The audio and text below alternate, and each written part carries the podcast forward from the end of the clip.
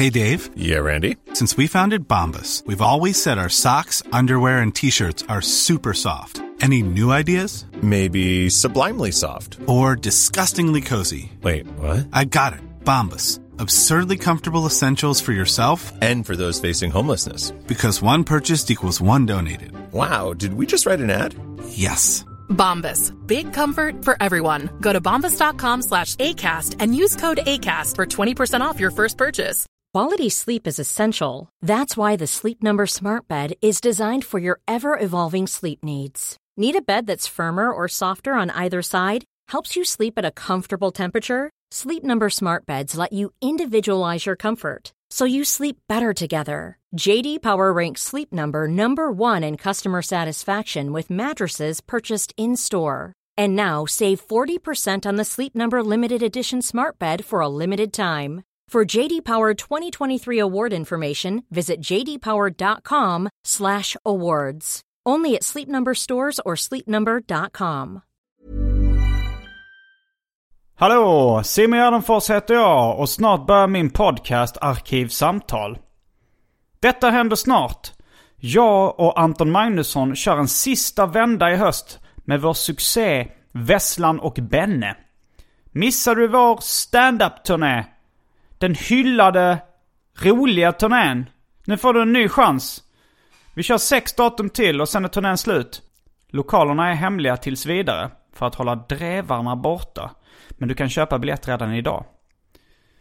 25 september börjar vi i Sundsvall. Sen är det Stockholm, Malmö, Karlstad och Göteborg. Biljetter på specialisterna.se. Missa inte det. Kommer förmodligen bli slutsålt snabbt så passa på att köpa redan idag. Följ mig också på Instagram. Där heter jag atgardenfors. Men nu kommer Arkivsamtal som klipps av min redaktör Marcus Blomgren. Mycket nöje!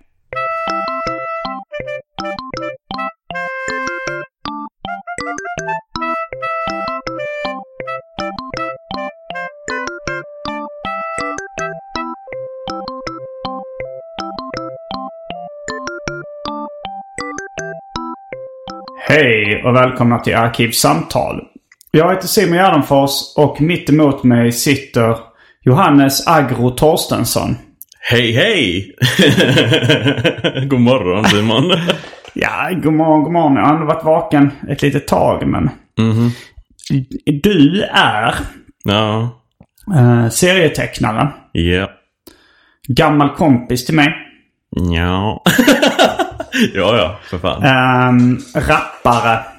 Eh, Före detta. Och eh, har du några andra titlar? Podcastare. Podcastare. Du driver podden Rap och Comics. Jajamän, eh, som handlar om serier och hiphopmusik. exakt. Och idag så ska vi sätta tänderna i ännu ett temaavsnitt av den roliga podcasten Arkivsamtal. Mhm. Och veckans tema är tecknad film. Ja. Någonting som ligger dig varmt om hjärtat. Och det är också om jag förstått det rätt. Ja, eh, absolut. Men jag tror att du... Du, är, du sitter nog på mer detaljkunskap i ämnet tror jag. Jag har i och för sig läst en del böcker om tecknade filmens historia och sånt. Det är mycket, mycket estetiken eh, i gammal tecknad film som har inspirerat mig rent grafiskt när jag har tecknat serier och sånt där. Jag skulle nog säga liksom 30 till 60-talet kanske är det som jag tycker där är snyggast. Eh, det- jag tror det finns mycket att säga. Jag känner på mig att det kommer bubbla av entusiasm i det här avsnittet. Eh, men jag tänker att innan vi drar igång med snacket. Så ska vi kasta oss in på det omåttligt populära inslaget Välj drycken.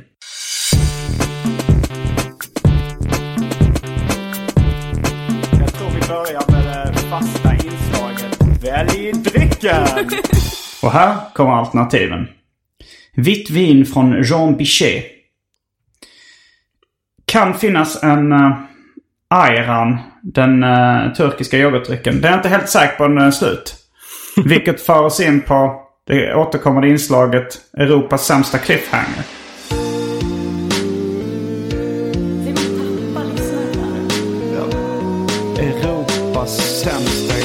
Cliffhanger. Cliffhanger. Alltså, Finns ayran i min kyl fortfarande. Okej, det, Det vänta. fanns igår. Okej. Jag drack kanske en... Nej, jag vet inte. Men alltså, är det ayran och vitt vin som du har? Nej, nej, nej. Det kommer med. Jaha. eh, Det, alltså det här var lite ett pausinslag kan vi kalla det i väldrycken. Åh, Ett inslag i inslaget. jag blev orolig att du bara hade två alternativ. nej, nej, nej, Vad har nej. hänt med Kans? Fanta Grape från Japan. Pocari Sweat från Japan. Suntory Hortoy Fruit Poi Punch från Japan. Fanta Zero. Um, Le Diable Rouge. Det är en 50% absint. Hermanito sprit. Carho, ölen, styrka 4,6. Vanilla Coke. En kopia av eh, Fireball, spriten. Saranac Root Beer. Red Bull, kiwi, tropisk, apelsin, cola. Och eh, häxblandningen, det vill säga alla drycker som fanns i min kyl innan den genomgick en så kallad corporate rebranding. Och för tråkmånsar och nejsägare, vatten. Well, jag är ju inne på mitt 821 dygn som tråkmåns och nej-sägare. Som Ja, sagt, jag slutade ju nykterist. dricka... Det betyder inte att du bara dricker vatten. Nej, i och för sig. Men alltså, jag vill ju ge en shout-out till min svensk Pocari Sweat. Så jag tar en Pocari Sweat. Ah, fan det var en bra val, måste jag säga. ja, det måste jag reppa för Arkivsamtal-gruppen. Jag ehm, mm, kanske tar... Ska, jag vet inte om jag ska ta ett glas vitt. Eller om jag ska hålla det nyktert. Läsk känns mer tecknad film. Eh, nu tänker jag på att jag ska ta apelsinläsk. Som eh, de dricker mycket i, i Nickelodeon, tv-serien Keenan and Kel. som dock inte är tecknad. Men det är ändå Nickelodeon har ändå en viss tecknad filmanknytning. Absolut. Men då är, vi, då är vi strax tillbaks med dryckerna. Kända från det omåttligt populära inslaget Välj drycken. Häng med!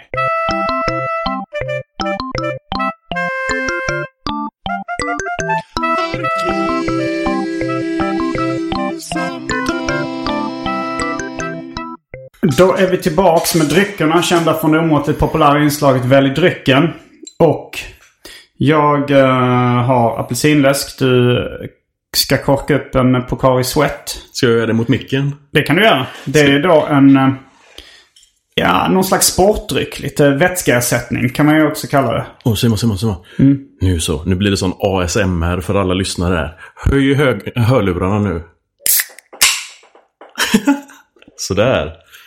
Nu tinglar det till i huvudet på folk. Mm. Jag tycker du överskattar bara burköppnings... Ja, det Ja, gick ganska snabbt där. Och nu ska vi också rycka av skynket från eh, en av Europas många cliffhangers. Eh, det var, ayran var slut i min kyl. Och eftersom ingen valde det så var det ju ganska... Då, då var det inte bara en av Europas många cliffhangers utan kanske Europas just nu sämsta cliffhanger. Kom tillbaka nästa vecka så får du se. Ja, det har varit en del usla cliffhangers på sista tiden i Arkivsamtal. Mm. Har, vil- vilka tecknade filmer växte du upp med? Um, Vilka alltså, var dina första förälskelser inom tecknad film? Jag vet inte om jag ska kalla det för förälskelser, men eh, jag tog ju vad jag blev eh, erbjuden. Och det var Mm. ju just eh, kabel-tv. Hade vi tillgång till. Så, eh, Det hade ju inte jag. Det är ju Nej. en stor eh, skillnad mellan oss två. så jag hade ju Sky Channel och eh, Eurosport. Och just Eurosport, som då är en sportkanal. Ja. De hade ett eh, barnprogramblock som hette Fun Factory. Det Mm. gick egentligen på Sky Channel men eh, ja, man kunde se eh, på morgonen så gick repriserna på Eurosport. Och där introducerades jag till, eh, ja, men det kan jag nog säga är en förälskelse. Inspector Gadget. Uff, det, då har vi samma förälskelse. Ja, nej, men jag vet att du är ju väldigt stor fan av eh, intro, ja, intromelodin där. Och, Ja, vad heter han som har eh, gjort den melodin? Det är ett väldigt... eh, han är israel. Chukilevi.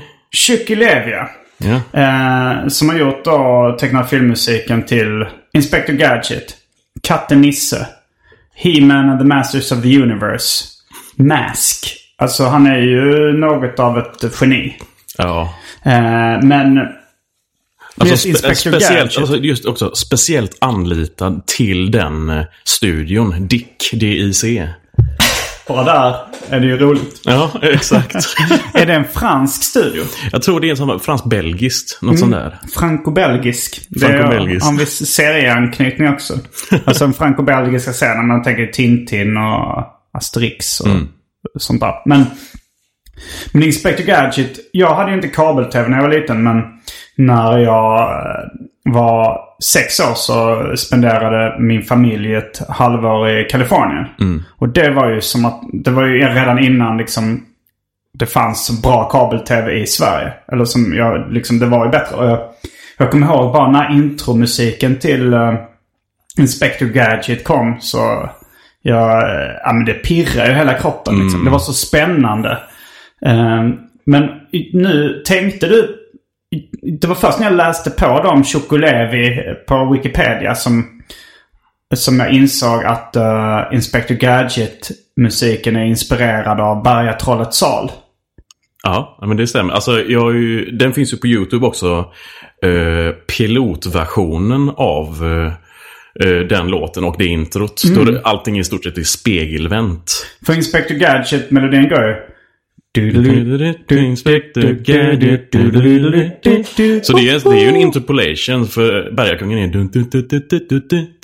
En tolkning. Så det, ja, men, alltså det är ju inte samplat men det är ju, det är ju samma typ. Det är väl staccato kallas det väl. Att man hackar upp Ja. tonerna i mindre. Det är som korta sekvenser så. Men, uh, nej, men det var det introt. Men sen så var det ju tecknad filmen. Jag, minns den så rätt bra också. Mm. Kommissarie Hokus Pokus som den lär ha introducerats som i Sverige från början. Ja. och sen också, alltså någonting som fick mig att bli väldigt intresserad av eh, skurkar överlag. Just med att det var en sån här mystisk eh, ärkefiende som man aldrig såg ansiktet på.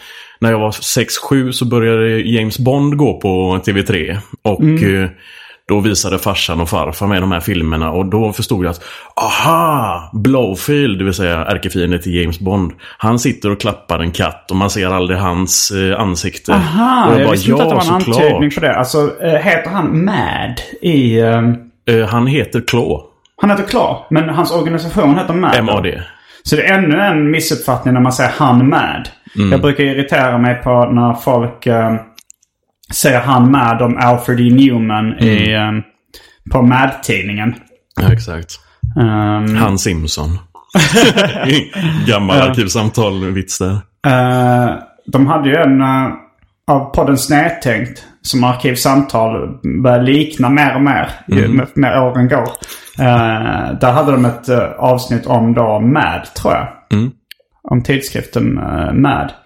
Och eh, där så saknar jag den informationen att Alfred E. Newman är en ordvits på uh, omänsklig. Inhuman.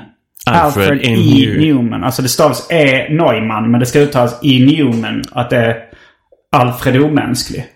Herre jävlar! Var det nyheter för dig? Här är jävlar. Det var en kalldusch. Det var bara en ordlek. Jag ville klämma in den gamla. ja, nej men det, jag har faktiskt aldrig tänkt på det. Nej. Eh, men det var intressant också med det, utöver det här familjen Flinta-incidenten så var det när jag blev intervjuad i och med Sommarens drev och slash Arman-gate som vi så skämtsamt kallar den. Uh, då, då var det liksom en DN-journalist som intervjuade mig. Och eh, jag fick frågan eh, Hur kom du in på det här med grov och vulgär humor? Så sa jag eh, Känner du till, till serietidningen Python? Sa han, nej den har han aldrig hört talas om. Så då sa jag, men den var ungefär som uh, Mad. Sa han, va? "Ja, Men tidningen Mad. Hade han heller aldrig hört talas om. Alltså dessa obildade journalister. Var han 19 år den här jäveln? Nej, han var nog lite äldre. Men jag tyckte ändå, okej du jobbar på kultur. Du ska skriva en artikel eh, till eh, kulturdelen av Sveriges största morgontidning. Och reportaget ska handla om humor.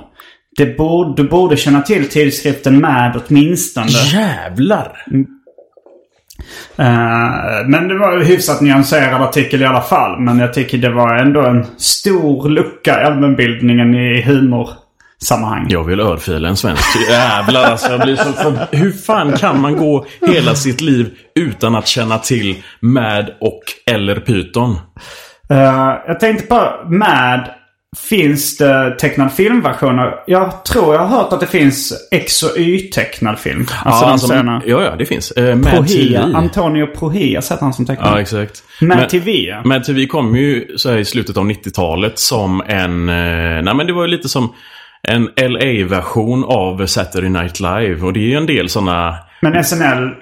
SNL har ju funnits... vad- Kommer inte det från LA? Nej, nej, det är New York. Det är ju live from Ah. New York. It's Saturday ja. night. Men eh, då hade de ju då alla de här diverse så här, Warner Brothers Studios och så. Och eh, så körde de ja, diverse eh, sketcher. Jag vet att eh, rapparna Method Man och Redman var med i några sketcher där också. I Mad TV? I Mad TV. Och sen så emellan där Mm. så körde de animerade versioner av Don Martin, X och Y, eller då Spy vs Spy. Just det. Spy vs Spy. Kommer du, det spelet kommer du ihåg va? Jag kommer ihåg det till Commodore 64. Samma här. Mm. Det var mitt, eh, ett av mina favoritspel till Commodore 64. Mm. Och ehm, det, det blev ju min introduktion till, alltså när jag, eh, jag spelade det spelet med min brorsa. Uh, Och sen- Spy vs Spy. Ja, och sen så bläddrade jag i farsans gamla Mad-tidningar. Och Hade ni Commodore 64? Ja, det fick jag från eh, ja, min nu hädangångna alltså farmors bror. Som jag Okej. nämnde i ett gammalt avsnitt som hade gått bort. Han Mm. fixade ju liksom alla de här tecknade filmerna. Alltså typ Children Channel och sånt där. Det var ju kanaler som fanns och... Han var din skräpkulturlangare. Ja, han, han blev en omedveten langare. För Mm. att jag, helt plötsligt så fick jag se...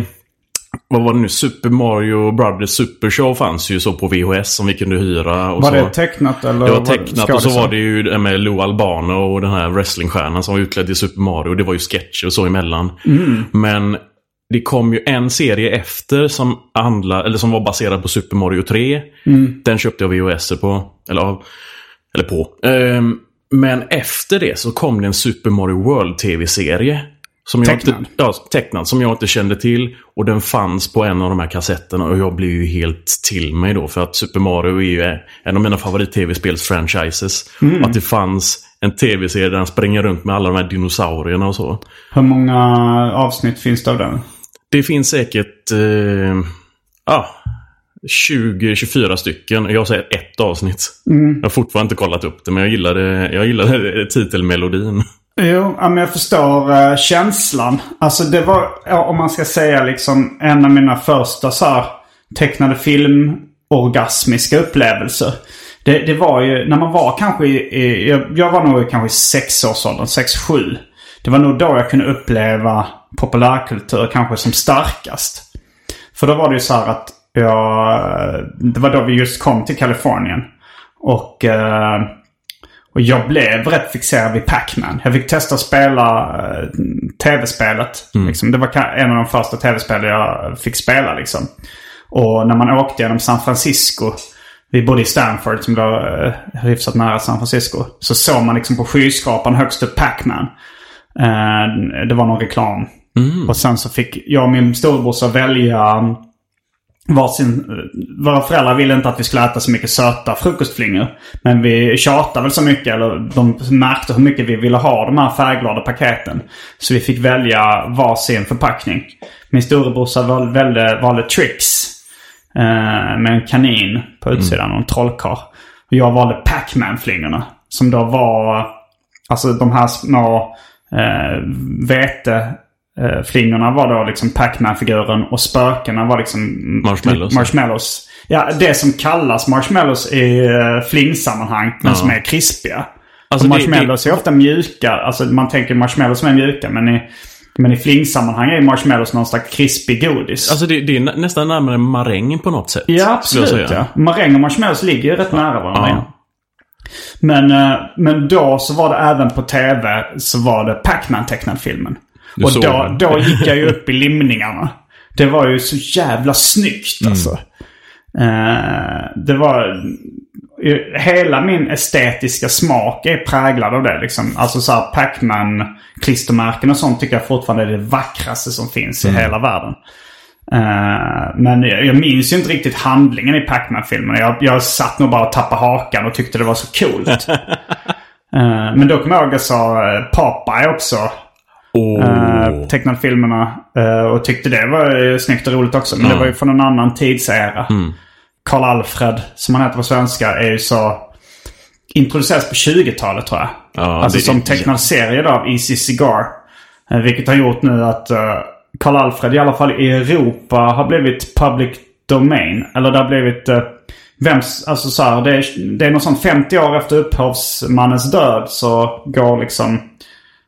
Uh, går den en viss uh, upphovsrätt ut. Just det. Så eh, vem som helst får rita serier med Karl Alfred nu. Och det var ju det Vanlo hade gjort med en sån postapokalyptisk eh, story där han slåss mot zombies eller vad fan det nu var. Just det, och Johan folk ville ha jättemer. hade, hade eh, tagit det tillfället i akt och tecknat en serie med, med eh, Karl Alfred. Jag kommer inte ihåg vilken tidning den publicerades i.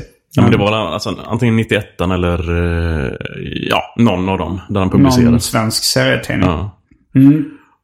Men aj, alltså eh, där har vi ju lite av en slags... ehm, där har vi lite av en slags... mm, kä- alltså vad ska man säga? Näringskedja av de här Golden Cartoons. Alltså Disney är väl högst antar jag.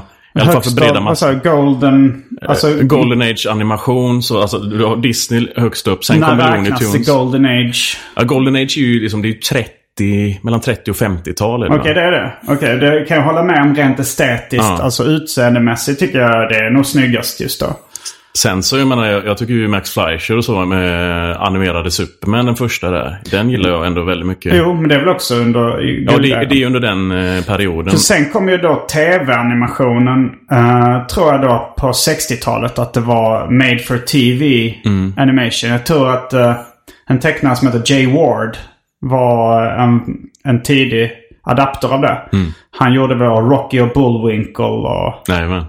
Och vad, vad har han Eh, mer? Dudley Do-Right och eh, Dudley Do-Right som var den här eh, eh, Mountie-polisen som var jätte...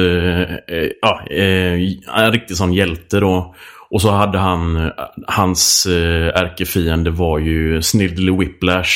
Som numera är ett namn på en trope med en sån mus- mustache twirling skurk. ja, när han säger foiled again. Mm. När han har åkt fast för någonting. Curses foiled again. Exakt. Just det. Men uh, Jay Ward och tv-animation. Alltså det var ju också, om man säger familjen Flinta var ju också TV Mm. animation.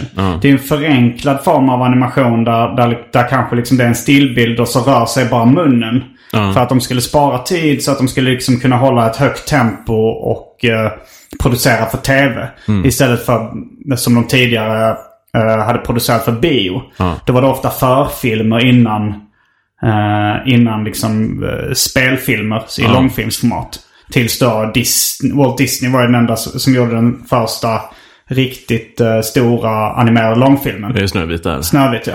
Det lär ju ha funnits någon latinamerikansk tecknad långfilm som, eh, som har brunnit upp. Jag såg någon dokumentär om det. Alltså de, de, de, liksom, det finns inga bevarade exemplar för omvärlden. Wow. För det var någon brand som gjorde men, men det finns vittnen som kan berätta om att det fanns en Jävlar. tecknad långfilm någonstans i Latinamerika innan Snövit. Fan vad pissigt. Ja. Eh, Men just den här estetiken i tv-animation med kanske framförallt uh, Jay Wards teckningar. Det är ju... Nu, nu kommer det igen att det är något av det snyggaste jag någonsin sett. Men, vad tycker du om UPA? Eh, jag älskar UPA uh, tecknarstilen. De, de var inspirerade då. De, de kom ju strax efter... eh, efter tv-animationen. Ja. Och inspirerad av modern konst så att säga. Alltså inspirerad av uh, kubism och Picasso och, Ja. och den typen av... Så de, de var väldigt experimentella, Mm. förenklade och lite... ehm, och snygga. Men Vad det, heter? Gerald McBoing Boing. ja, just Det är det. en av dem va? Det är mest kända UPA. Det står för Ah, United, Magoo. United Pictures of America tror Ja. jag UPA står för. Men Mr. Magoo är väl kändast ändå. Ja, det måste han vara. Det är, han är ju i stort sett maskotten för dem. Ja i, ja, i Sverige. Jag läste någon animationsbok där det står så att många känner kanske inte till UPA. Men när man säger Gerald McBoing Boing så vet de flesta vad man pratar om. Så det var där jag fick det ifrån. Men Mr. Magoo måste ju vara mer. Eh, men också UPA. Eh, det kom någon slags biofilm från UPA till eh, Kroatien. Och då var det då några från Zagreb som blev så inspirerade av det och startade Zagreb Films. Som sen då gjorde Professor Baltasar. Ja. Som visats väldigt mycket i svensk tv. Och det är så- väl också, det är de som, Gene Deitch gick ju där när han fick göra sina Tom och Jerry-filmer. De som är de mest hatade. Eh, ja, Jim Deitch är ju... eh, Han är pappa till Kim Deitch, Ja, serietecknaren. Och eh, han är också en... ja, han är en klassiker inom animation då. Mm. Det, det finns en seriealbum som handlar om animatörerna så av Kim Deitch. Broken Dreams. Broken, eh, Boulevard of Broken Dreams. Just det, ja. Men eh, Professor Baltasar har nog många i Sverige sett för det visas som Mm. barnprogram. Och den, den estetiken är också fantastisk. Och den är ju då UPA-inspirerad. Mm. Och, eh, och senare så inspirerade, om vi då, de vi nyss nämnde, Jay Ward, UPA. Och jag vet inte om Zagreb Films och, och, då liksom Professor Baltasar även inspirerade eh, Craig McCracken och Jenny Jenny Tartakovsky. Tartakovsky. Jajamän, men det är, det är solklart verkligen. Jo, eh, och de då som gjorde eh, framförallt Powerpuff Girls och eh, eh, Min- Dexter's Laboratory. Ja, jag, jag, jag får ändå ge den till Two Stupid Dogs. För där var det verkligen, det var ju plantskola för hela det gänget där. Det, det, eftersom jag inte haft kabel-tv så har jag faktiskt missat Two Den gick, Stupid ja, Dogs. den gick i mitten jag av har sett bilder 90-talet. på det men jag har ja. aldrig sett någon. ja, men ganska Men det var inte skapad av varken. Det var väl inte skapat av någon av dem. Ja, vem var den skapad eller- av? Eh, Men jag vet i alla fall, alltså det fanns ju... Av de av, eh, det fanns ju några avsnitt, speciellt de här, ja, ehm, vad heter det nu, Rödluvan-specialerna, Little Red. Little Red Riding Hood. Eh, ja, men den hette bara, Lil- det, då är det en närsynt version av uh, Rödluvan som de ska hjälpa då. Men de vill bara ha mat och så. Det slutar alltid väldigt, väldigt fatalt för dem. Eh, Men eh, om man kollar på liksom storyboarding så var det så Jenny Tartakovsky och så var det John Kay. Craig McCracken. Bara hela det eh, gänget där. Så, Men John Kay, Crick Falusi tränade under ehm, Ralph Bakshi. Vad heter hon som har gjort Friendship is Magic tecknade filmerna? med- Lauren Faust. Lauren eh, Faust med... McCrackens fru. Ja, men, eh, men var hon också en del i det gänget eller träffades de senare? De träffades senare. De träffades i och med eh, att... När Det är My Little Pony förresten My man ska Little nämna. Pony Friendship is Magic. Ja. Mm. Så hon, eh, hon fortsatte ju med det efter att eh, PPG slutade. Men jag vet att P- eh, Powerpuff Girls fick ju också någon sån här... Eh, Finns inte an- nya Powerpuff Ja, men det, finns Girls-filmer? det, det kom ju anime. Mm. Ja, och sen Powerpuff så kom Girls det... X eller Z eller något Ja, liknande. nå- något sånt där. Mm. Och sen så har det ju nyligen kommit tillbaks nu och det är inte alls lika charmigt tycker Det jag. är inte Craig McCracken längre som Nej. står bakom det. Det är bara created by. Okej, för Craig McCrackens estetik där tycker jag också i viss mån, alltså de tidiga Powerpuff Girls-avsnitten. Mm. Eh, där, där pikade estetiken också på ett sätt. Nu, det är lite för många som finns. Det, det, det är liksom... Det är blåsigt på toppen i min värld av det snyggaste jag någonsin har sett. Men, Nej, men, men alltså, något avsnitt av Powerpuff Girls när de ska bygga en jättestor robot av, eh, för att liksom eh, för att döda någon slags Godzilla-monster. Det är så jävla snyggt. Kaiju. Ja, just det. De har ett sånt. något sånt. Oh, någonting med Generator eller någonting. Och det är det som avsnittet. du tagit till eh, den där illustrationen du gjorde. Ja, till eh, den... Illustration. Tänker du på omslaget till Galago? Galago, exakt. Mm. eh, Nummer 88. Ja, där, det är väldigt inspirerat av det. Men också när jag var i Japan då så var det, det var liksom en, en återkommande inslag att... eh, jag vet inte vem som var först med liksom att sätta en liten figur i en jättestor robotfigurs huvud. Mm. Där liksom den stora robotfiguren ser ut rätt mycket som den lilla figuren som Ja, sitter men, i. Men det var liksom en, en meme, eller vad man ska kalla det. Det är ju, det är ju väldigt sådär japanskt sådär med... Eh, eh, ja men Voltron och alla de här eh, och allt vad det nu heter med de här stora olika robotarna. Som slår ihop sig. Power Rangers hade väl det med Super Senpai och sådär med. De har varsin robot och så slår den ihop sig och blir en jätte, jättestor Ja, just robot. det. Jag associerar det med Transformers. Ja, nej men det är ju, det är ju samma men, veva där. men fanns innan dess fanns vad det, Gundam eller något sånt? I, Gundam är väl den absolut största. Mm, Eh, Men fanns det redan där då att mm, små robotar byggde ihop sig till en jättestor robot? Ja, nej, men jag tror att det var, det var väl... Jag tror faktiskt Valtron var först med det. Men å andra sidan, de lånade väl ganska mycket från just Gundam. För det var ju, jag menar vad fan, det, finns ju en... Det finns ju en dokumentär nu på Netflix angående leksaker och så. Robotbilar, eller just Transformers. Och att den franchisen bygger på att, vad var det nu? ett företag i USA köpte upp rättigheter till alla de här små tv-serierna i Japan. Som då hade massa olika leksaksfranchises eh, som var separata. Och de bara samlade allt under namnet Transformers. Och det är, det är så skumt för att jag, menar, jag känner ju bara till de som jag såg på eh, Sky Channel och så. Och de, den goda la- lastbilen och den lilla bilen och så kommer stridsvagnen och allt. Och bara wow!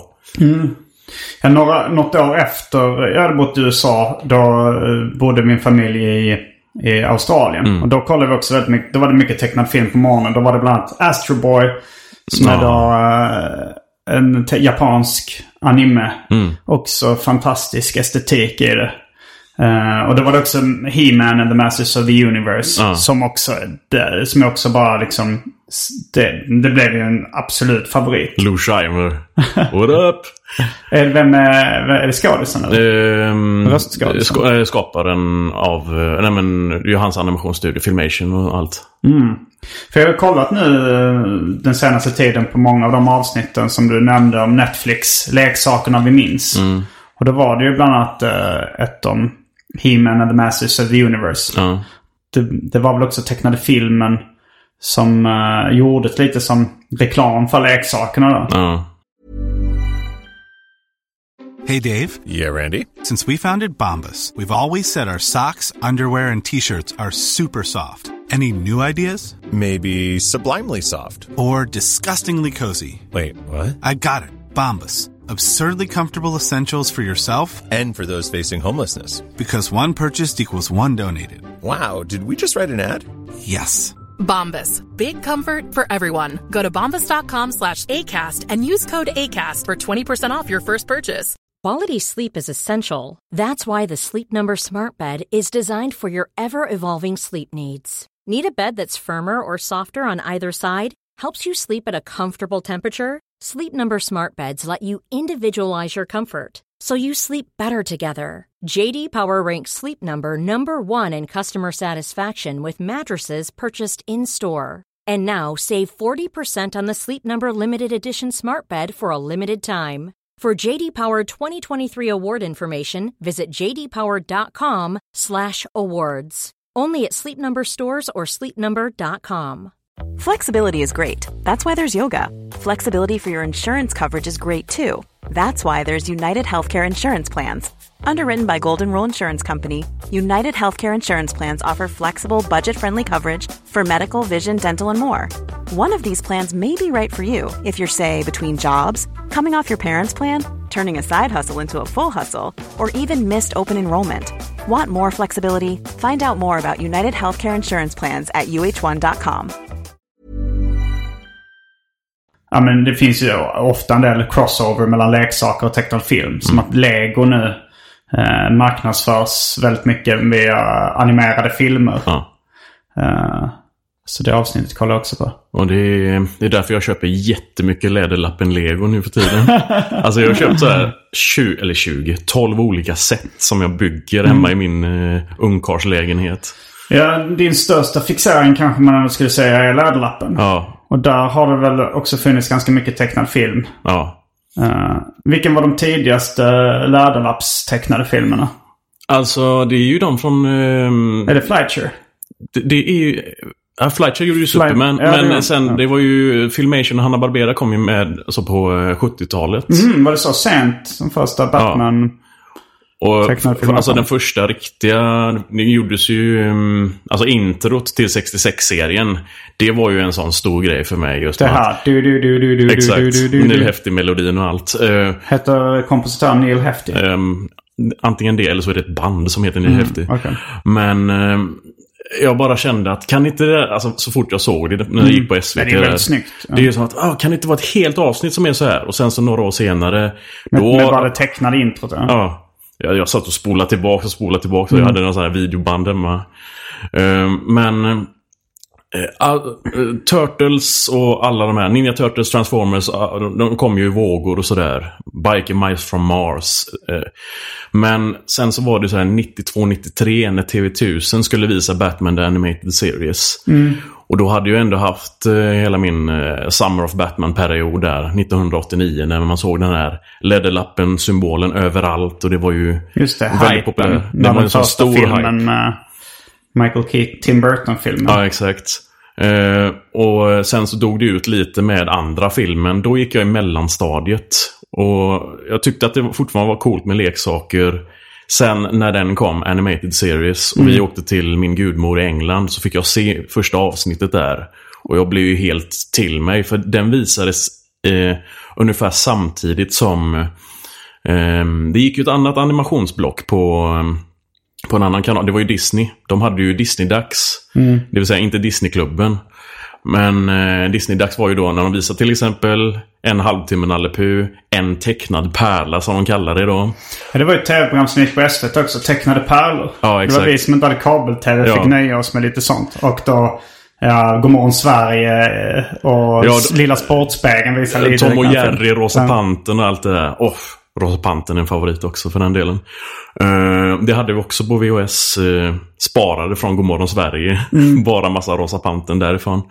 Ehm, men ehm, när, när jag såg uh, Läderla- eller den här Batman Animated Series. Mm.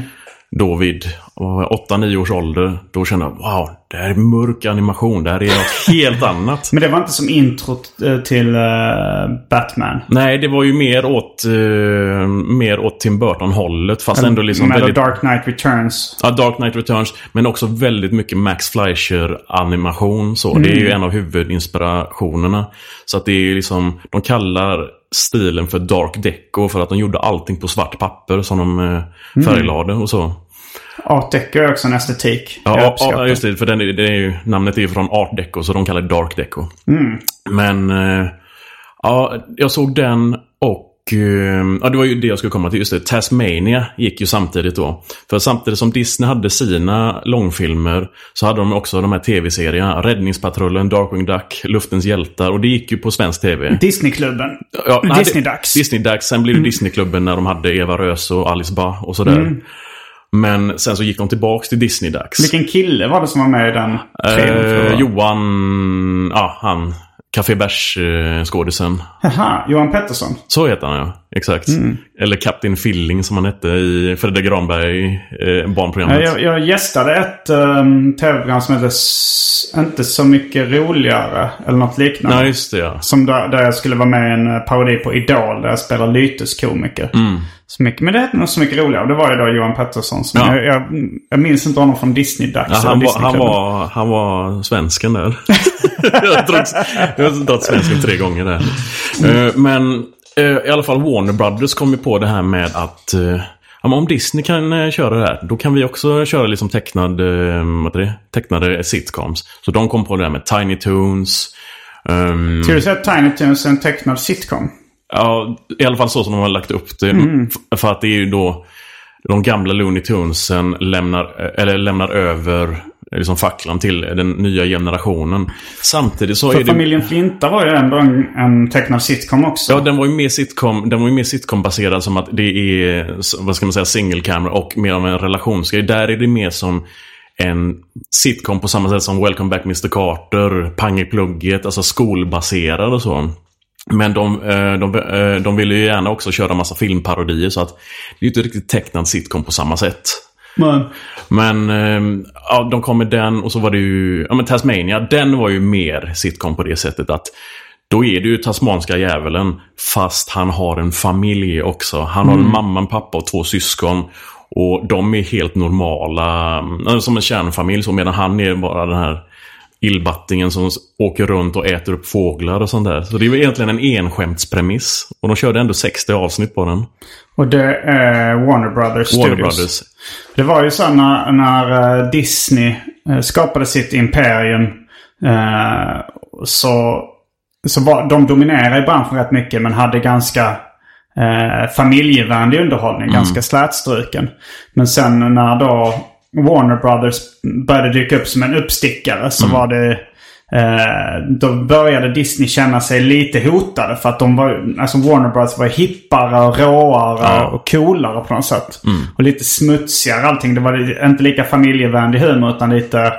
Ja, men det var lite mer... Eh, obehagliga Ja, nej, men, ja, ja, men det var ju ja, men speciellt när de körde de här uh, rasseskämten. De var- tidigaste Snurre Sprätt där. Ja, det var väldigt rasistiskt. Men eh, det, det, det har ju Disney också såklart. Ja. Eh, de var ju en del av tidsandan, det vill säga djupt rasistiskt på den tiden. Men, eh, men det var, jag läste en biografi då om, om, om Disney. Där de berättade om när eh, de här när Warner Brothers dy- började dyka upp. Och att de liksom, det var vissa då Disney-tecknare som gjorde, som besökte då Warner Brothers Studios och blev chockade över hur, hur sunkiga de var.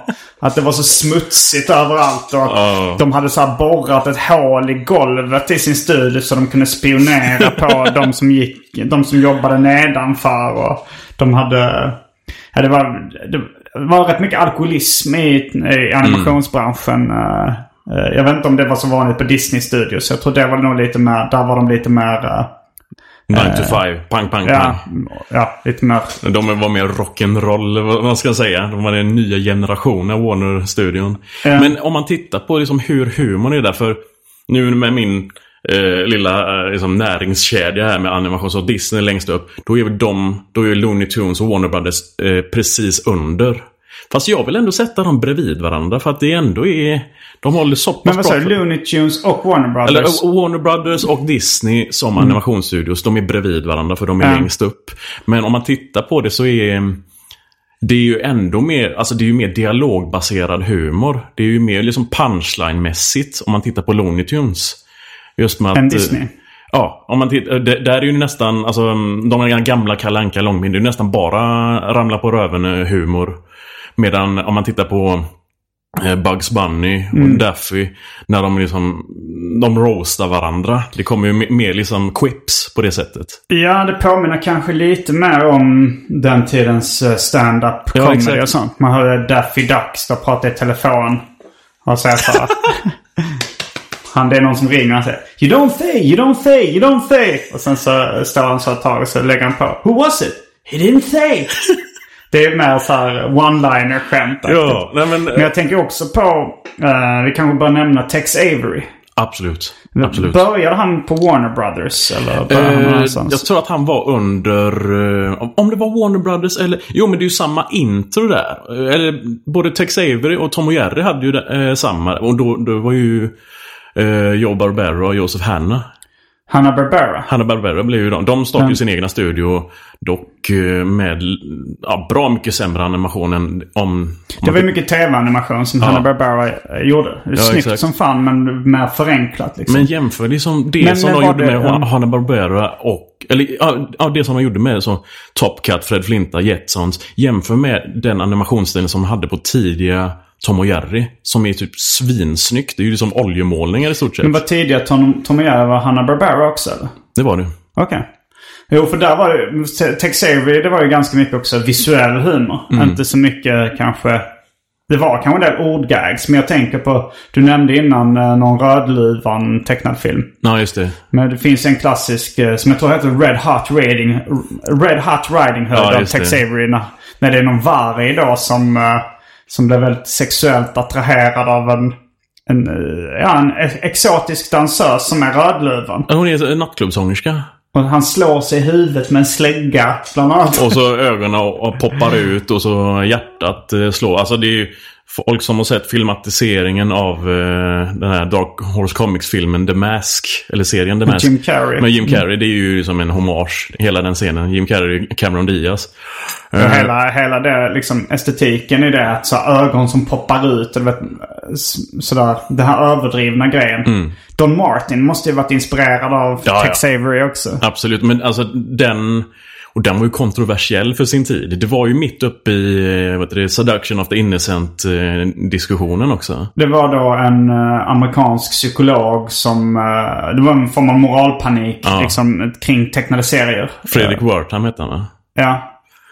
Eh, och det, ja, folk rasade och brände väl till och med. Det blev bokbål och Ja, sånt. det blev bokbord på serietidningar Mm. och sen så var det ju...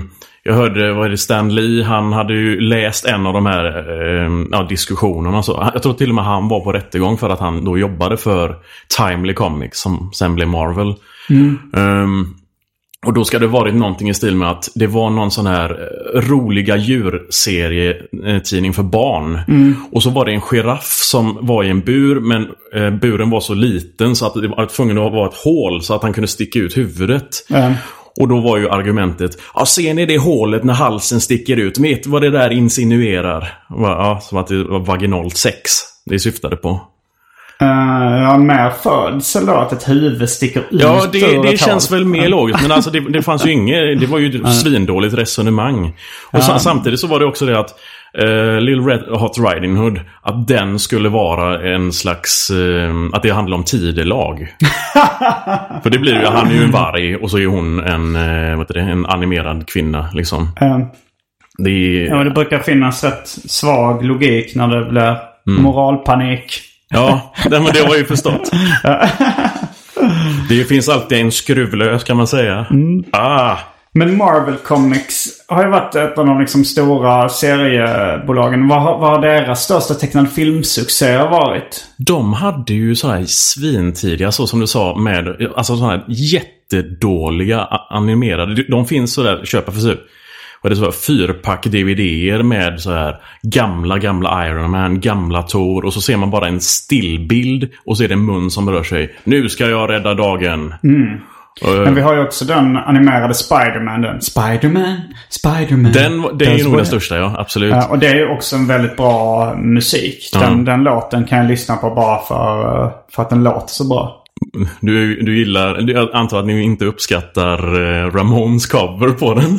Distade gitarrskingen här. Eh, Men eh, ja, den var väl deras tidigaste hit skulle jag säga. Sen så animerade Spider-Man på 90-talet. De faktiskt använde den melodin fast det är The Edge från eh, U2 som gör någon slags elektro-gitarrversion av den och med vocoder och Spider-Man och så vidare. Ehm, och X-Men kom ju i samma veva då. Tecknade X-Men. Den tecknade X-Men på 90-talet. Det har jag Väldigt faktiskt populär. inte sett. Även om jag var stort X-Men-fan. Eh, gick på TV3 också. Och så med den här väldigt kända melodin. Och så vidare. Eh, och det, alltså det, det, du märker att det finns ju... Det är ju mycket med ledmotiven. Alltså jag blir ju... Hör jag som... Nu blir inte jag jättenostalgisk av de här gamla Disney-filmerna. Men hör jag eh, första melodin, eller andra melodin till Långbens eh, kortfilmer. Då blir jag... Eh, då blir, den här brassbands... Eh, Hur går den ungefär?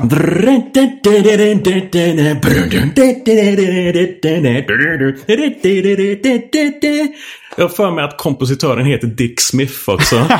jag tror jag har lagt det på minnet. Nå- Något sånt där i alla fall. Ja, och så vidare. För att det är liksom, oj nu blir det tokroliga äventyr med eh, Janne Långben här. Jo, det var rätt mycket signaturmelodin som fick mig att falla för Katte Nisse också. Eh, alltså Chokolevis.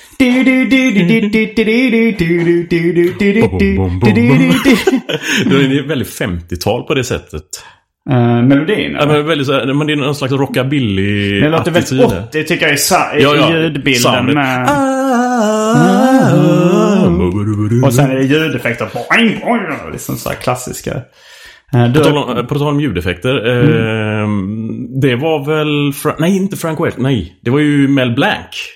Mel Blanc som gjorde rösten till Katte Nisse i USA. Just och det. Peter Harrison som gjorde rösten till den i Sverige. Ja. Eh, Men vem var det? och han gjorde ju även... eh, du hittade ju det klippet där Peter Harrison gör rösten till Skeletor. Ja, just det. Ehm, det finns på Instagram.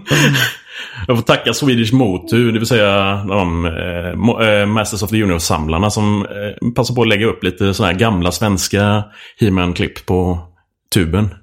Tuben? Är du tuben med YouTube?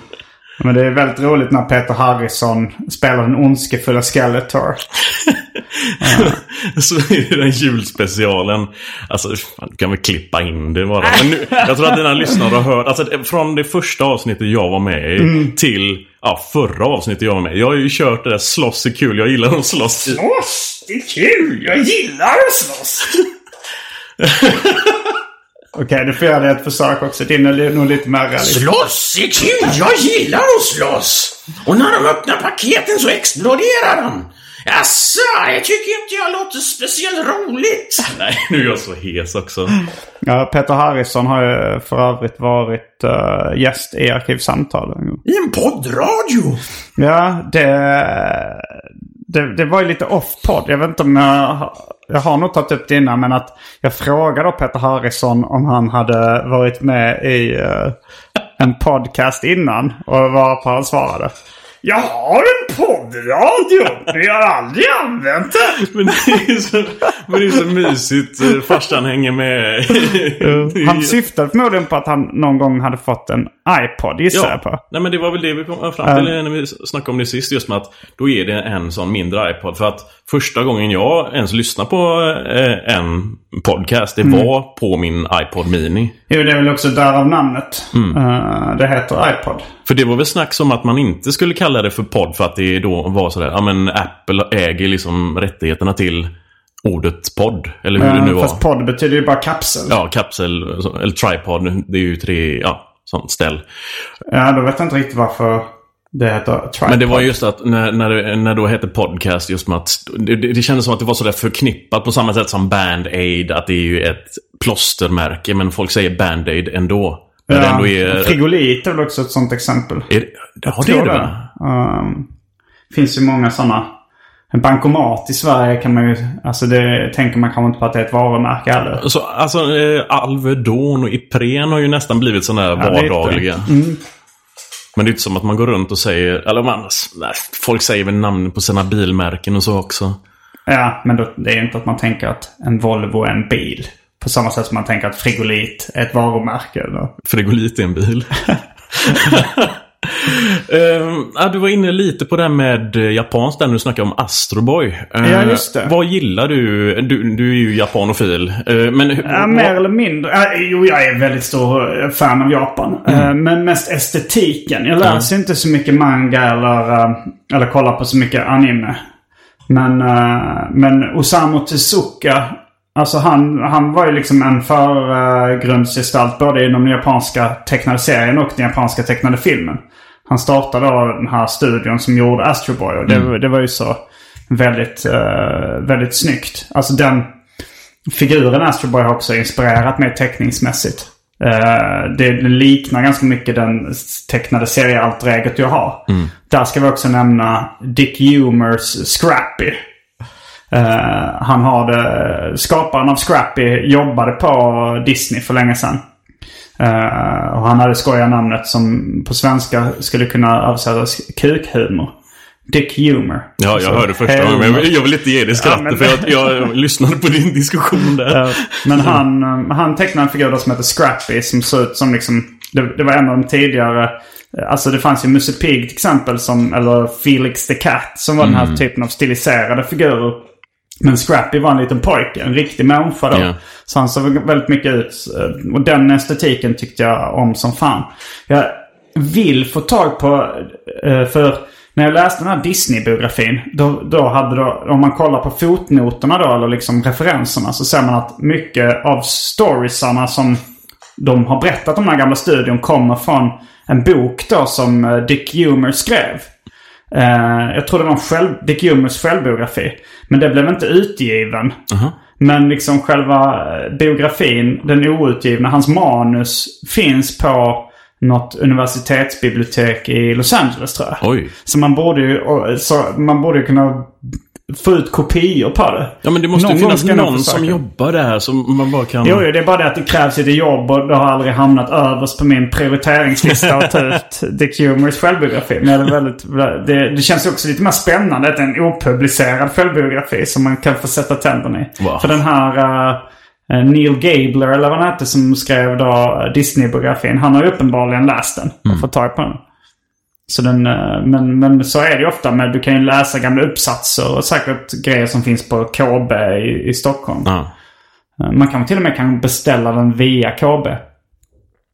Det skulle vara, det skulle vara kul. Nej, men det är konstigt att han inte tagit, eh, tagit tillfället i akt och bara, nej men det här är min nästa bok. Nu, nu har jag redan släppt eh, Disney-biografin. Och så nu blir den här opublicerad. För det, måste, det finns ju, han har ju uppenbarligen fans. Uh, Dick Humor? Ja. Ja, men inte så många. Det är nog ganska smalt men det, måste, det finns ju i alla fall en i Sverige. Eller, ja, men då har de ett ex i Sverige. men vad- du var på väg att säga någonting om uh, japansk tecknad film? Ja, nej men eh, vad tycker du om eh, hela det här med anime-köret som det har blivit väldigt populärt? Alltså, jag har ju inte varit så jätte, jätte inne på det här med... Jag, jag såg Sailor Moon när jag var yngre. Jag såg Silverfang. Starsinger såg jag när jag var lite... Alltså när jag var ändå tonåring när jag satt och rökte ganja och tittade på det där. Men... ehm, Anime. Vi ska först och främst eh, säga att det är ett lånord från franskans anime. Så det är egentligen eh, betyder bara tecknad film eller animation på franska. Mm. Animation betyder då att ge själ. Animus själ på latin. Eh, Okej. Vilket jag har skämtat om i en tidig specialisterna-sketch. Eh, men ja, japansk tecknad film. Jag har sett då, jag läser den japanska serien Oishimbo à la carte. Sett lite av den. Det finns även i tecknad filmversion. Sådana som heter Rice Wars, som är en lång tecknad film om bara ris. Handlar mycket om risimporten i Japan. Oh, Vilket de, eh, shit. det är ganska, ganska bra ändå. Men tecknad film för mig handlar ganska mycket faktiskt eh, om estetik och om nostalgi. Mm. Det, det finns ju något intressant det där att, eh, som du och jag och många andra lite krampaktigt klamrar sig fast vid barndomen och, och minnena där. Men du verkar ju ändå även kolla upp lite nyare grejer i Ja, tecknad film.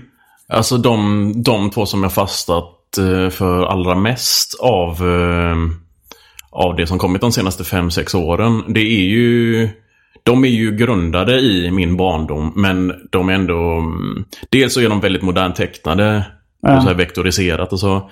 Det är ju Looney Tunes show och så är det nu pågående DuckTales som visas på tv-kanalen Disney XD.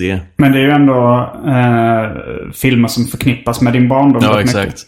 Men det finns ju också de här, vi har ju knappt nämnt den eh, nya skolans tecknade film för en lite äldre publik. Alltså som kanske då drogs igång med Simpsons. Ja. Och sen Family Guy, South Park. Numera liksom Bojack Horseman och Rick and Morty och hela det köret. Ja, ja men absolut. Men Rick and Morty är Justin Roiland och Dan, Alltså jag är ju fan av Community sen innan. Så Mm. jag menar Dan Harmon. Jag följer med honom vart han än går. Sen så Ja, det är blir skaparen av Rick and Morty. Ja, han gick ju... Han fick ju sparken från Community på grund av eh, Chevy Chase Gate där.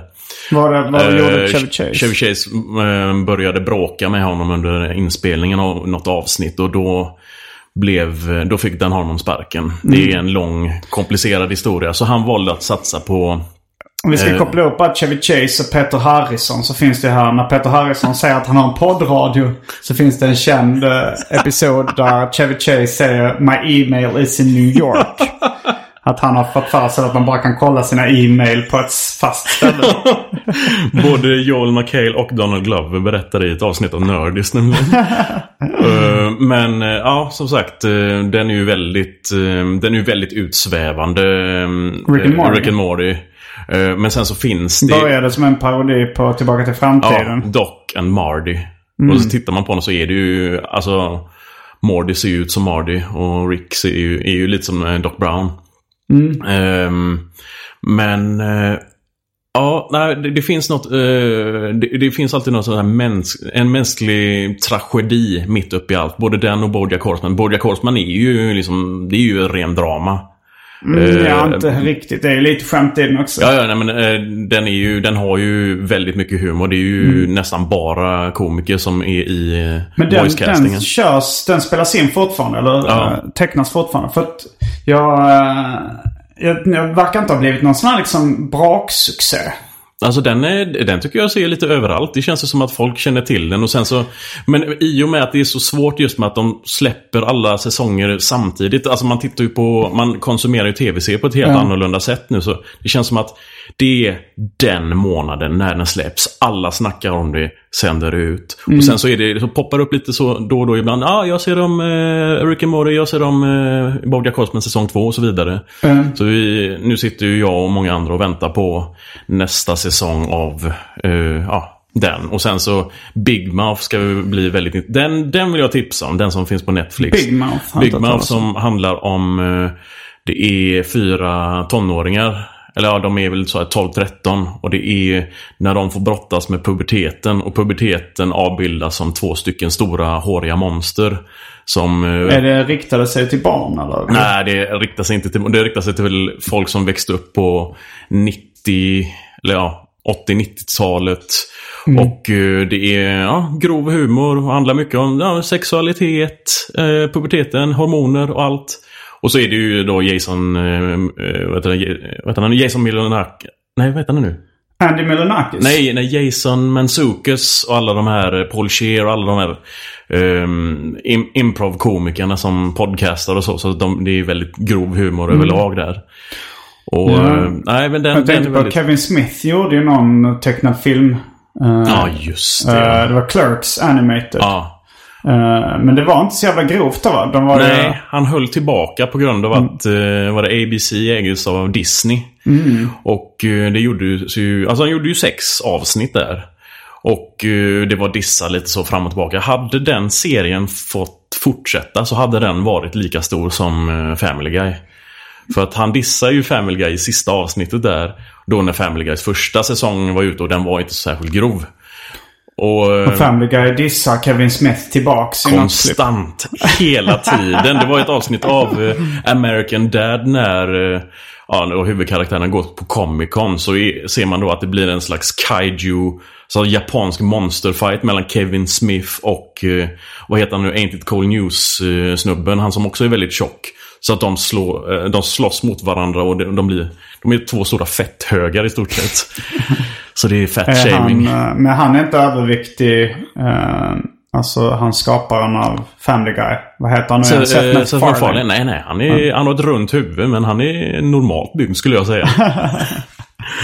Eh, och, ja, nej men eh, Seth MacFarlane är ju, det är ju ett eh, kapitel i sig. Jag är ingen fan av Family Guy. Inte alls? Nej, jag, jag tyckte om det förr, men sen så... Sen var det väl lite så att jag kappvände efter Cartoon Wars när South Park kom. Och just med att de bara avslöjade eh, hela den här grejen med att ja, men det, är- det är ju bara en enskämtspremiss, Family Guy. Med att det är samma setups hela tiden. Och skämten är bara sådär, men det ska vara plumpt skämt och så är det sådär randomized. Det är som att de här jävla sjökorna som South Park pratar om. Att det är sjökor som väljer tre stycken olika grejer. Till exempel Ja, ja, men vet du, en astronaut, en tomat och ett nöjesfält. Och sen så bara, alltså blir det en sketch. Oj, tycker du det var sjukt? Det här var ju ungefär som när jag jonglerade tomater med astronautdräkt på ett nöjesfält. Klipper dem till det. Vad var det kallades det tricket när man... Eh, alltså det är ju en cutaway, kallas det ju. Cutaway scene. Men eh, det är ju mycket baserat på non sequitur. Liksom bara så här helt slumpmässigt valt eh, surrealistisk humor. Ja, ja nå, det, någonting som inte följer det som kom innan. Ja, men jag, jag kan uppskatta båda. Nu kollar jag, nu har nog kollat mer på Family Guy än South Park. Men det, är- eh, det är på samma sätt som man kan uppskatta en one-liner-komiker som bara drar lösryckta skämt. Det kan vara skitroligt men sen kan det vara kul med någon som har en mer sammanhängande story Ja. och kanske berättar lite mer om sig själv. Men därför uppskattar jag American Dad mycket bättre. Han, den serien som han gjorde efter. Så, för han gjorde ju American Dad, Cleveland Show och eh, ja, han håller ju på med sin rymdserie nu också. Men eh, American Dad känns, det känns som en bra mycket bättre sitcom på det sättet. Den är ju, jag skulle nästan säga att den är där uppe för mig med eh, Simpsons, Futurama, eh, Looney Tunes Show. ehm, Droppar du dina favoriter? Horseman. Jag vet inte, jag bara håller upp handen i luften och bara säger namnet på moderna shower som jag gillar. Och sen så jag gillar ju Regular Show också, som vi såg i på Comic Con där. Den är, men det är bara så här, det är ren haschhumor i stort sett. Var, vi, vi reste tillsammans till, till USA och gick på Comic Con 2012 var det va? Ja. Och då kom jag vi slå på tvn och eh, då, var det, då var det regular show. Ja.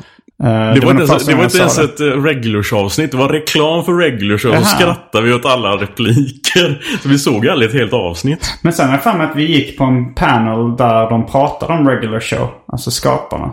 Minns Ja, ja, just det. Det var ju den Adventure Time och Regular Show eh, gemensamma panelen. Och först körde de Adventure Time, det hade inte jag sett. Men vi var ju och käkade på Pizza Hut där. Och då hade de sådär någon, någon speciell... Det var Adventure Time-tema i den här pizza-parlern.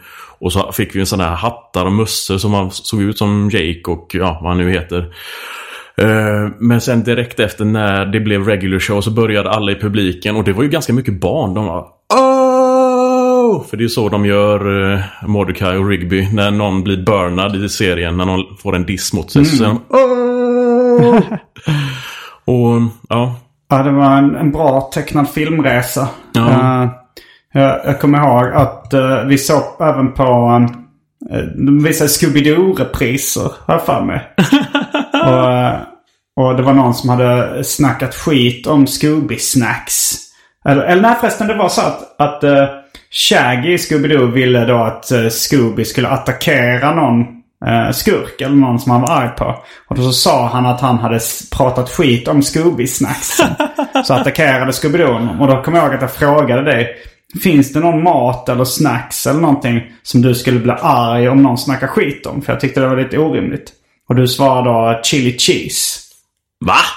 Ja, Men jag, minns du inte det här? jag äter ju inte ens chili cheese. Det var länge sedan jag åt chili Ja, men cheese. det här var ju 2012. 2011. Var det 2011 du Ja. var i USA? Ja. Ja, det var det kanske. Eh, oj, herregud. Chili cheese, det var det dummaste. Det är, som, det är som när man går ut till någon jävla braksvensk där ute som bara Ja, bacon. Bacon är så bra. Bacon är en punchline nu för tiden. Men du har ju själv eh, friterat bacon. Ja, men det var ju då. När jag det, när jag var ung och jävla dum uh, pojkspoling på internet som ville vara JVVFE. Jag ville vara farlig ätare. Jag minns även den, under den resan att eh, vi fick någon slags... eh, eller vi fick någon space cake av någon snubbe. Alltså en, en kaka med THC. Då tror jag vi låg och kollade på... eh, det var nog bara jag som åt. Jag tänkte säga att jag, test, jag fick två kakor. Jag tänkte säga jag testar att äta en halv. Eh, och då så... Men det, jag hallucinerade i sängen. Men då tror jag vi kollade på Bob's Burgers. Det var nog första gången jag såg det Mm, också. det, ja. Bob's Burgers är bra också. Jag följer inte men det är, men det är en av de bra moderna tv-serierna också. En av mina favoritkomiker är Bill Burr. Och han har ju den här F is for Family. Jag vet inte om den, om det, om hur många säsonger det finns av den. Om den fortfarande spelas in eller... Ja, Säsong två har varit ute nu ett tag. jag såg ett par avsnitt tyckte inte det var så kul. Eh, det, är- jag kollar inte så jättemycket på tecknad film nu. Alltså för mig handlar det nog mer om... Du har svikit dina rötter, mannen. Ja, men det har jag nog. Nej men alltså det, det finns väldigt, väldigt mycket ute där som du skulle eh, kunna uppskatta. Jag, jag har eh, listat några av dem. Sen så är det väl också det att jag menar, en, en tv-serie som Archer, den är väldigt bra skriven. Samtidigt så är- utspelar den sig, de, det är ju en agentbyrå. Och jag menar, du är ju ingen fan av eh, Agent 007 eh, stuff på det sättet. Jag gillar The Wire fick mig att uppskatta polisarbete. Där har vi en t-shirt. Partytricks-kingen här. Okej, så, så jag säger att om jag rekommenderar Archer att du skulle se på den för att det är väldigt mycket som att det är ju komiker som då står och kör. Det är ju väldigt mycket situationskomik. Alltså det är, det är som det är som The Office fast de är, det är en agentbyrå och det är spioner och så. Och sen så får ju de ju härja, de får ju härja fritt eh, röstskådisarna och så animerar de det. Det ser ut som en sån gammal Agent X9 fast eh, ja, vektoranimation. Det låter inte så lockande men kanske... Nej men alltså det är, det, det, det är mycket grov humor. Det är sån wild and crazy shit som du gillar. Mad humor. Ja, det, är- det är mad humor. Nej men eh, se det som en X, X och Y modern tappning. Den är så gräll i färgerna också stundtals.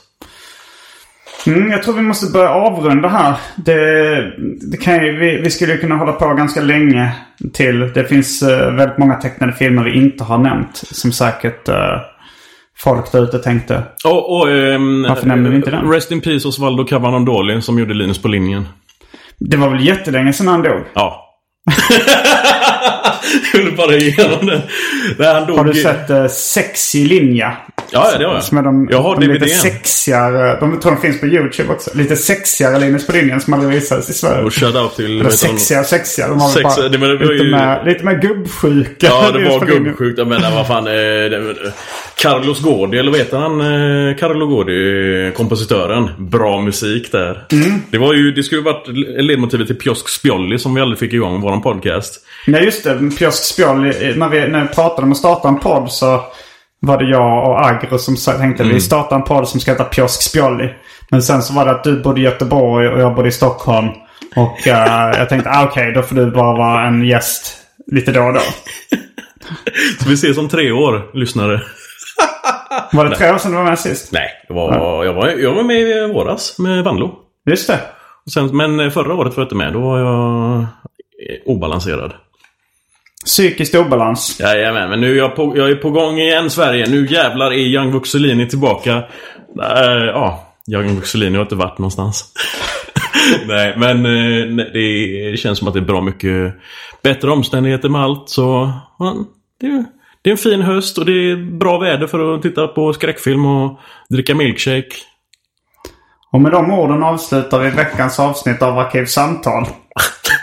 Var det de sista orden? Också. Dricka milkshake på de sista orden. ja, ja, okej då. Um, jag heter Simon Gärdenfors. Jag heter Johannes Agro Torstensson. Fullbordat samtal.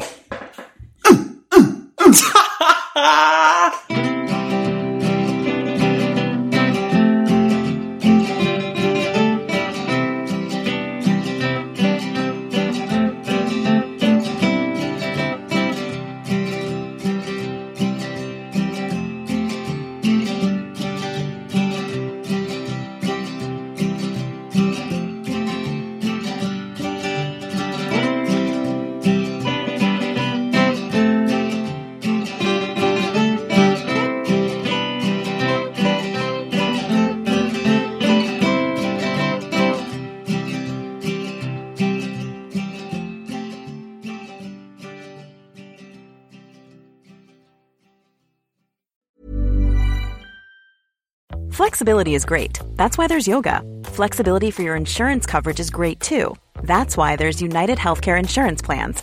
Underwritten by Golden Rule Insurance Company, United Healthcare Insurance Plans offer flexible, budget friendly coverage for medical, vision, dental, and more. One of these plans may be right for you if you're, say, between jobs, coming off your parents' plan, turning a side hustle into a full hustle, or even missed open enrollment. Want more flexibility? Find out more about United Healthcare Insurance Plans at uh1.com. Mom deserves the best, and there's no better place to shop for Mother's Day than Whole Foods Market. They're your destination for unbeatable savings, from premium gifts to show-stopping flowers and irresistible desserts. Start by saving 33% with Prime on all body care and candles. Then get a 15-stem bunch of tulips for just $9.99 each with Prime. Round out Mom's menu with festive rosé, irresistible berry chantilly cake, and more special treats. Come celebrate Mother's Day at Whole Foods Market.